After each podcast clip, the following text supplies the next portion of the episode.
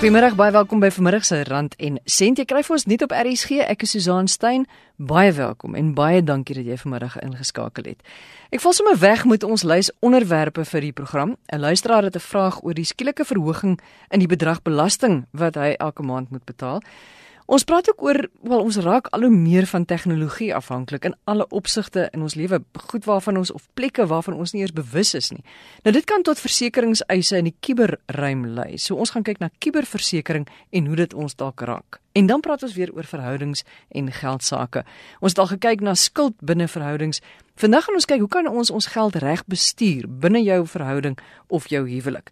Maar eers gou ons luisteraar se brief. Hy skryf Die nuwe persoonlike belastingtabelle van 1 Maart 2018 verdubbel my belasting as staatsdiens werknemer pensionaris van 1686 na R3406 en enige sente. Hy sê dit vernietig verskeie jare se verhogings wat deur die regering se werknemerspensioenfonds aan uh, pensionaris gegee is en dit vernietig ook die beoogde 5,5% verhoging vanaf 1 April 2018 wat nog hoër belasting bring.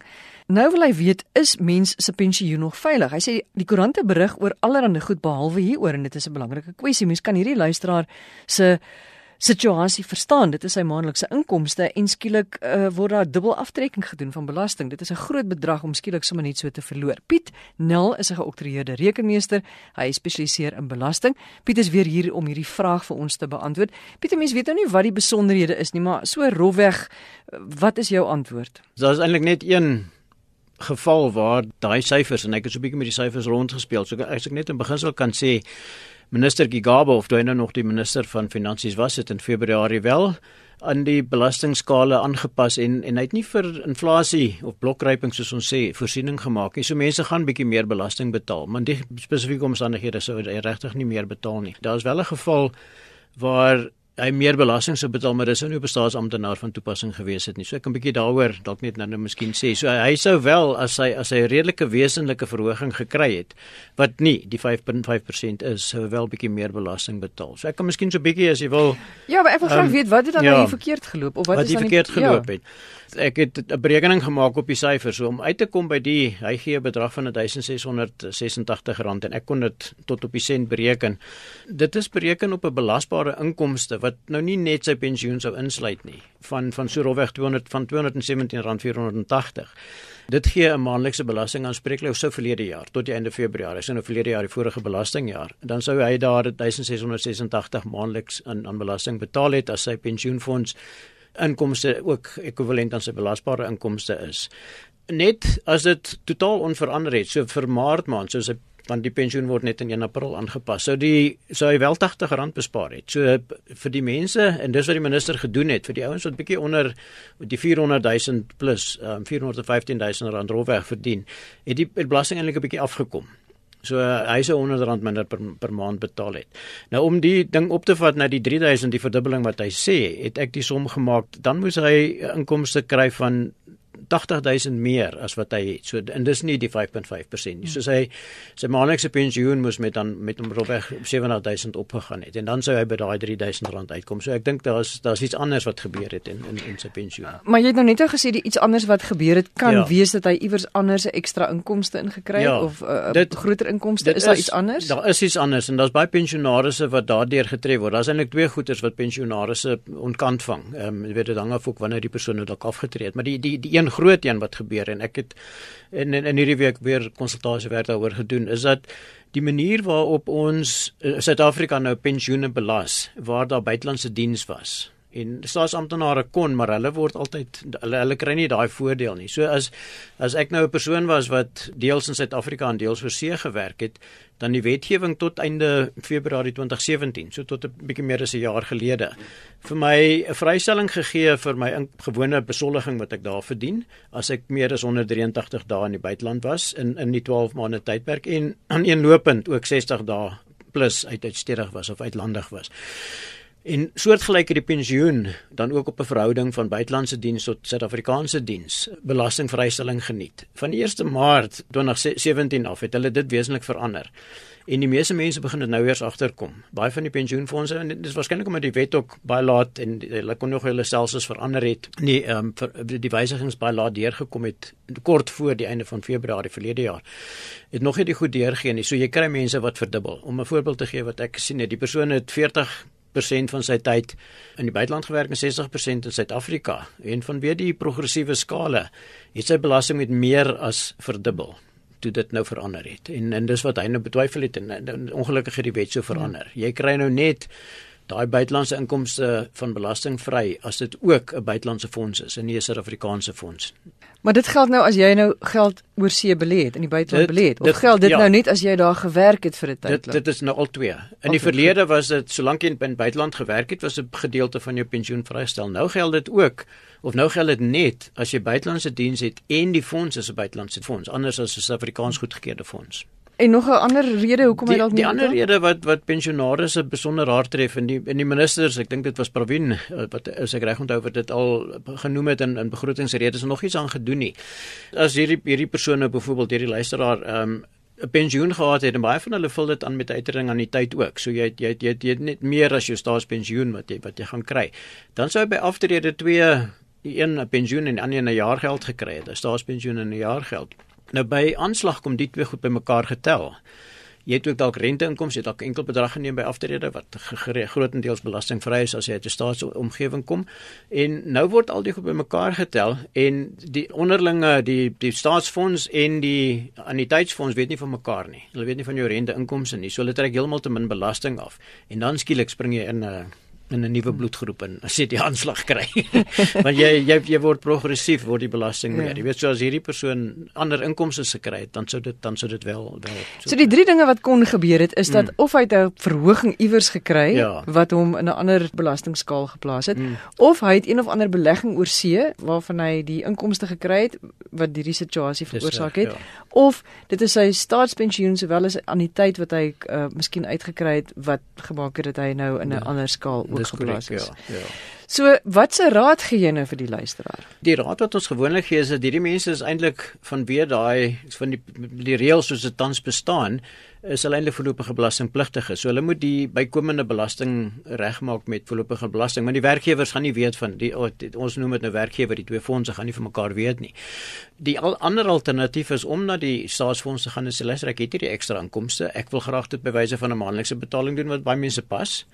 Ehm um, en dan verhoog jy vrywillig die bedrag wat afgetrek word. So by een van die fondse sê dan trek bietjie meer af. So tipies dis dit werk ook vir mense wat wat wat in twee posisies is. Jy werk bedags ergens, jy werk in die aand nie soos vryskut mense nie. Dan gaan jy sê maar vir die een gaan jy sê luister, ek het nog 'n posisie, maar jy moenie my beskou as 'n ou wat weer onder die drempel is nie. Ek ek moet meer belasting betaal. So dis vrywillig om meer belasting af te trek. So dis die geleenthede of jy twee keuses wat ek kon uitdoen daar. En vrywillig as jy jou belasting as jy ekstra belasting betaal, een of ander tyd sal jy dit dan weer terugkry as jy te veel betaal. As jy te veel betaal het, dis reg ja. Ja, maar dis ek weet vir pensionaars is dit belangrik en dis hoekom hulle in die voorlopig is en ook in baie gevalle vrystellings het om nie voorlopig te betaal nie want hulle daai kontantvloei nodig. Jy weet, dis dis vir hulle dalk makliker dis 'n groter skok, maar dit is makliker om eenmal 'n jaar te betaal as wat dit is om maandeliks die geld te verloor. So. Piet, baie dankie. Ek weet nie of ons al hierdie vrae van ons luisteraar nou beantwoord het nie. Ek wil nou nie sy naam noem nie, maar indien nie, stuur asseblief vir my nog 'n e-pos Susan@rsg.co.za, S U Z A A N by rsg.co.za en hopelik gaan ons jou kan help. Piet Nel, geoktreerde rekenmeester en hy spesialiseer in belasting. Piet, baie dankie dat jy ingekom het. Martin Smits is die eienaar van Smits Internasionaal Spesialis Versekeringsmakelaars. En Martin sê kuberversekering is iets wat al hoe meer op die voorgrond kom. Nou Martin, ek wil nou nie sê dit is nou iets nuuts nie, uh, maar dit is wel iets wat ons nog nie aldag baie van hoor of ken nie. Maar ek is seker ons gaan in die toekoms al hoe meer en meer hiermee te doen kry. Wat behels kuberversekering nou eintlik? Susan, 'n kuberaanspreeklikheid behels die versekering van IT-stelsels en databasisse teen data diefstal, data kontaminasie deur kwadwillige kodes, die diefstal of versperring van toegangskodes, asook die diefstal en openbaarmaking van daardie gesteelde data aan derde partye of selfs die breër publiek. Die afgelope tyd is Facebook nou baie in die nuus mm, met inligting ja. wat gelek het. Ek het nou die dag 'n e-pos gekry van 'n toepassing wat ek op my foon het vir fiksheid en toe sê hulle vir my ja, hulle het ook nou hierdie probleem dat van hulle inligting gelek het, so ek moet maar net dop hou en miskien my kode woorde verander en so aan. Ja. Maar net gou ek meen as iemand daai inligting gesteel het, het hulle dit gesteel, dan kan ek of ek nou verseker is of nie, die inligting is gesteel. So hoekom sal ek my laat verseker teen gesteelde data? Onthou net eers dit is waar uh, besighede hulle data inligting verloor en hulle dan die aanspreeklikheid oploop vir potensiële eis vanaf die ongeluk wat byvoorbeeld jou oorgekom het. Jy stel 'n eis in teen daai toep maatskappy vir die verlies van jou persoonlike data wat nou in verkeerde hande beland het. En die data afpersing dis redelik voor die hand liggend. Ek steel jou data of ek hou dit gevange in die kuberruim en ek pers jou af. Absoluut. Miskien kan ek net eerstens vir jou noem uh byvoorbeeld die organisasies wat ek voel daai datastelsels moet hê. Hulle sluit byvoorbeeld in fintech betalings uh ondernemings, klein en groot handelaars, mediese praktyke en hospitale, professionele praktyke, regeringsinstellings skole, kolleges en universiteite, definitief die telekommunikasie omgewing sowel as die vervoersektor. En hoekom? Susan, ek is bly jy vra daai vraag. Allianz Versekeringsmaatskappy stel jaarliks 'n top 10 sake risikobarometer saam. En in Allianz se 2017 uitgawe word kuberrisiko's as die derde grootste sake risiko aangewys, gevolg net so terloops in die vierde plek deur natuurrampe so storms, aardbewings en vloede. Die koste van hierdie versekerings, is dit baie duur of of nie? Kiberaanspreeklikheid is duur en die rede daarvoor is dat ons in ons daaglikse handel en wandel al hoe meer afhanklik word van IT-sisteme. In kort, ons raak eintlik al hoe meer intergekonnekteerd. So jy weet daar is verskeie hoë profiel media stories wat berig oor die finansiële verliese van individue en organisasies. Juist weens die diefstal of korruptering van bankfinansiële en persoonlike inligting as ook die kaping van handelsgeheime intellektuele eiendom en patente inligting. So uh, byvoorbeeld uh, daar is kuberkrake programme wat fokus om byvoorbeeld die mynbou, finansiële, vervoer en kragsektore te teiken. Kiberkraking is nie net beperk tot die top 100 maatskappye in die land nie en kan eintlik enige klein tot medium grootte organisasie ernstige finansiële knou gee. Miskien kan ek ook net sê dat die hoogste frekwensie kibereise wat aangeteken word, word aangeteken deur die gesondheidsorg en professionele dienste sektore. So ek kan vir jou sê dat die diefstal of korruptering van die ontwrigting van IT-datasisteme by organisasies het verrykende gevolge op besighede. Martin, noem vir my 'n voorbeeld asseblief van so iets wat ja, kan gebeur. Werklike insidente van uh, kuberkraking is byvoorbeeld waar uh, 'n uh, lugdienste hul vlugte moes staak. Aan die Weskus van Afrika byvoorbeeld het 'n kuberkraker oor die platform laat kantel sodat sy bedrywighede tydelik gestaak moes word en 'n staalhoogoond in Duitsland wat deur 'n kuberkraker afgeskakel is deur toegang tot hul beheerstelsels te verkry wat fisiese skade sowel as sakeonderbreking aan so 'n organisasie veroorsaak het. En hoe hoekom doen hulle dit om om net die plesier daarvan of is dit pers hulle mense af om geld te kry? Daar's verskeie redes daarvoor. Sommige word gedryf deur nasionale intelligensiedienste van sekere lande wat ander lande se veiligheidsstelsels teiken. Facebook was onder andere ook 'n baie goeie voorbeeld waar daar uh, sabotasie was deur onder andere dit is die bewering Russiese en Chinese belange wat Facebook geteken het. En natuurlik is daar ook 'n baie groot kriminele element waar handelsgeheime gesteel word. En natuurlik net ook wat jy noem sogenaamde hacktivism waar jy aktiviste het wat plesier daaruit kry om te kyk of hulle toegang kan kry tot 'n baie gesofistikeerde IT-stelsel van 'n organisasie. Maar Martin, dit klink dan goed of dit klink na situasies wat meestal sal plaasvind by nie by my of by die gewone persoon wat nou maar net elke dag 'n paar e-posse stuur en en 'n bietjie van dit en 'n bietjie van dat nie. So die die individu, dink jy ons moet bekommerd wees hieroor? Dink jy ons moet ons ook laat verseker of is hierdie soos jy vroeër genoem het nou regtig net groot instansies? Kiberversekering myns insiens is op alle besighede van toepassing wat IT-sisteme het en veral die jou professionele omgewing teken die hoogste frekwensie aan van kiberkraking van hulle stelsels. So dit kan wees vanaf 'n een persoon mediese praktyk tot 'n baie groot regsfirma of enige ander dienste organisasie. Die beskerming wat jy natuurlik as 'n privaat individu geniet is dat jy kan natuurlike aksie instel indien jou persoonlike inligting gesteel is en natuurlik sal 'n kiberpolis jou eis moet goedmaak wat deur daai organisasie uitgeneem is. Maar net gou laastens, wat word nog deur so 'n kiberpolis gedek of wat word alles nog gedek? Versekeringsmaatskappye wat kiberpolisse uitneem, neem dit uit omdat hulle hulle finansiële verliese wil verseker indien hulle netwerke geteiken word. Die ekstra uitgawes wat aangegaan moet word vir kommunikasie met kliënte word ook daardeur gedek sowel as indien uh prokureurs aangestel moet word en forensiese ondersoekers om te kyk en 'n ondersoek te loods na waar hierdie kiberkraking vandaan gekom het en ook word reputasie uitgawes gewoonlik deur die versekeringsmaatskappy ook betaal. En indien kiberafpersing of losprysinsidente voorkom word sulke versekerings uh ook verskaf deur 'n kiberversekeringspolis. En as jy praat van reputasie uitgawes dan bedoel jy wat hulle moet, moet wat dit hulle kos om weer hulle reputasie goed te maak. Baie organisasies ly wesenlike finansiële skade as daar 'n groot kiberkraak plaasgevind het in so 'n organisasie en om van so proses te herstel vat gewoonlik baie beeldpoetsing en dit is die koste wat daardeur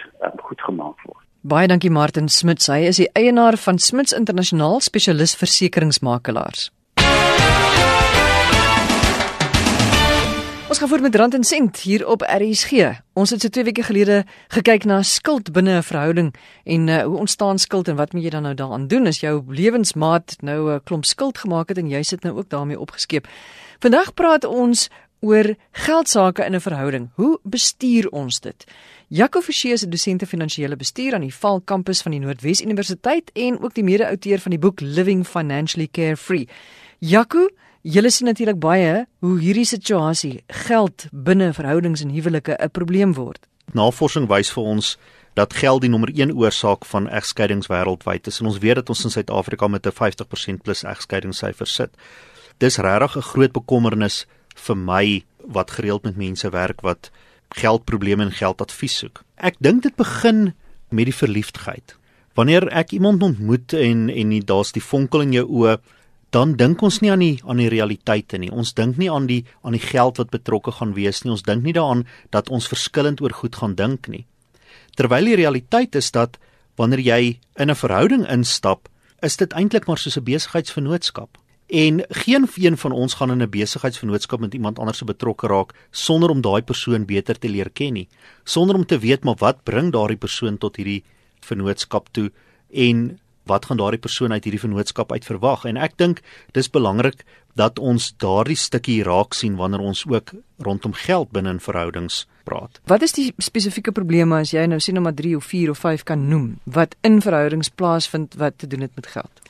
Dis half sukkel uiterstes. Aan die een kant kry jy die paartjies wat sê ons gaan alles saamgooi in een pot, ons het een bankrekening. Wat 'n mens dan baie keer kry is dat die persoon wat wat bietjie meer belangstel of wat dalk bietjie meer aangelees die finansies in die huis oorneem en dit alleen bestuur en die ander persoon raak gaandeweg al minder betrokke en eintlik afhanklik.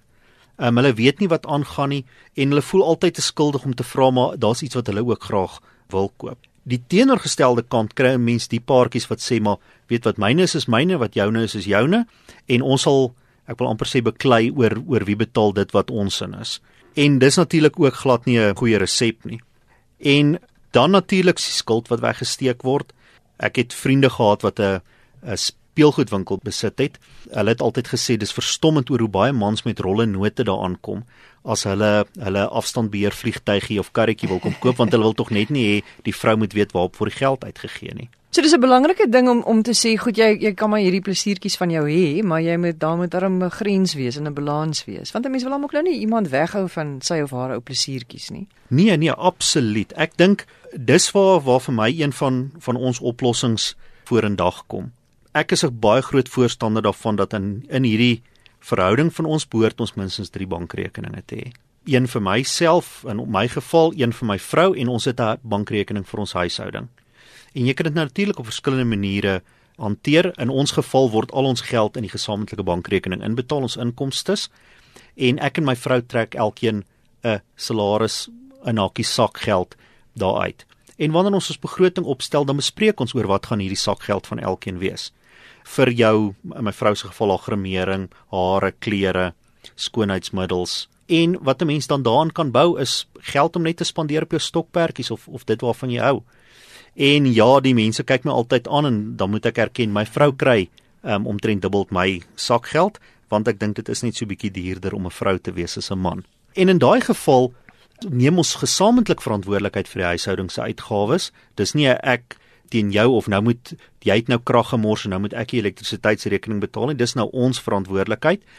En ek het eintlik maar om dit nou sagkens te stel 'n saak wat my vrou met haar sakgeld doen. As sy nie hierdie maand dit wil uitgee op die klere wat sy begroot het nie, maar haar vriendinne uitvat vir koffie, dan hoef ek dit eintlik nie eers te weet nie want dit is haar geld. En ons het al inteendeel in die verlede 'n paartjie gehad wat met die man het 'n hart ge, gehad vir minder bevoorregtes. En dit het so erg geraak dat hy van die broodnodige geld van die gesin weggegee het. En aan die einde van die dag was die oplossing geweest maar skep 'n begroting van kom ons sê maar R1000 'n maand vir liefdadigheid om weg te gee en sit dit by sy sakgeld by. En as hy dan dit en sy eie sakgeld wil weggee en dit maak hom gelukkig, hoekom nie? Hmm. Baie mense vandag het ook nog kyk ook nog na ouers of versorg ook nog ouers finansiëel. So daai situasie kan dan ook nog 'n bietjie moeilik wees dat sien nou maar jy moet nou na jou ouers kyk, maar ek het nie ouers om na te kyk nie en uh, hoe gaan ons daai ding doen? Ek dink definitief so. Ek dink weer eens in hierdie vennootskap van ons sou ek daardie gesien het as dis deel van ons gesamentlike verantwoordelikheid en ons gesamentlike begroting. Maar as dit dan nie so was nie, dan moet daar eenvoudig by die party wat die verantwoordelikheid daarvoor neem, kom ons sê maar suspenderings of sakgeld, die ekstra bedrag voorbygevoeg word. Dit bring my by 'n volgende belangrike punt aan die probleemkant maar ook aan die oplossingkant en dit is dat paartjies praat nie met mekaar nie. Hmm ons sien dit dit deur die bank ons lewens is so besig dis op daai stadium wat jou kinders klein is en hulle moet rondgery word so ons mis uit om om net met mekaar te sit en te gesels en veral ook oor geld sake ek en my vrou maak een keer 'n maand letterlike afspraak wat geskeduleer word in ons dagboeke en gelukkig hou ek daarvan om om die opskryfwerk te doen so ek doen ons al ons spandering van die vorige maand en ons gesels net bietjie oor waar het ons ons geld verlede maand uitgegee en hoe dit vergelyk met ons begroting. Maar Jaco, jy sien dis net waar my probleem inkom want ek hou nie van beperkings nie. So, jy weet daar's maande wat ek net meer geld sal uitgee, dan sal weer maande wat ek omtrent niks sal jy weet op goed sal uitgee nie. En die oomblik wat iemand kom met 'n boekie en 'n stuk papier en sê nou gaan ons alles neerskryf en dink ek o, dan dan raak ek heeltemal beangs. So wat doen jy as jy nou in 'n huwelik is of jy is in 'n verhouding? Die een persoon hou daarvan om neer te skryf en baie sistematies alles te werk en 'n streng begroting te hê. Die ander persoon hou daarvan om 'n bietjie meer vryheid te hê en en te leef volgens okay, een maand voel ek 'n bietjie meer ekstravagant en volgende maand voel ek regtig ehm um, want ek is nog steeds verantwoordelik met my geld. Baie keer sien ons 'n begroting as meer as wat dit is. 'n Begroting is regtig 'n riglyn en dis 'n riglyn vir 'n tydperk, kom ons sê van 12 maande. So daar's geen rede om jouself in 'n blik te druk om elke maand presies by daai begroting te hou nie. Vir my is die belangrike van die begroting dat as ek hierdie maand lus was om te gaan uit eet of op 'n vakansie te gaan wat nie beplan was nie, dat ek dit besef en dit sal erken en ook sal weet maar ek sal iewers te anderste daardie geld of hierdie maand of in die toekoms moet spaar om die prentjie te balanseer. So ek dink nie ons hoef 'n begroting te sien as iets wat jou inperk nie, maar eerder iets wat jou help sodat jy jou geld optimaal uiteindelik kan geniet. Jaco baie dankie. Jaco is 'n dosent in finansiële bestuur aan die Val kampus van die Noordwes Universiteit. Hy is ook die mede-outeur van die boek Living Financially Carefree. Die e-posadres as jy met my wil praat, susan@rsg.co.za. S U Z A A N by rsg.co.za. En onthou jy kan weer na enige van ons gesprekke gaan luister. www.rsg.co.za. Dan klik jy op potgooi en dan gaan jy na rand en sent. Ons praat volgende Sondagmiddag 5uur verder. Ek hoop dit is 'n baie goeie en 'n baie suksesvolle en gelukkige week vir jou. Totsiens.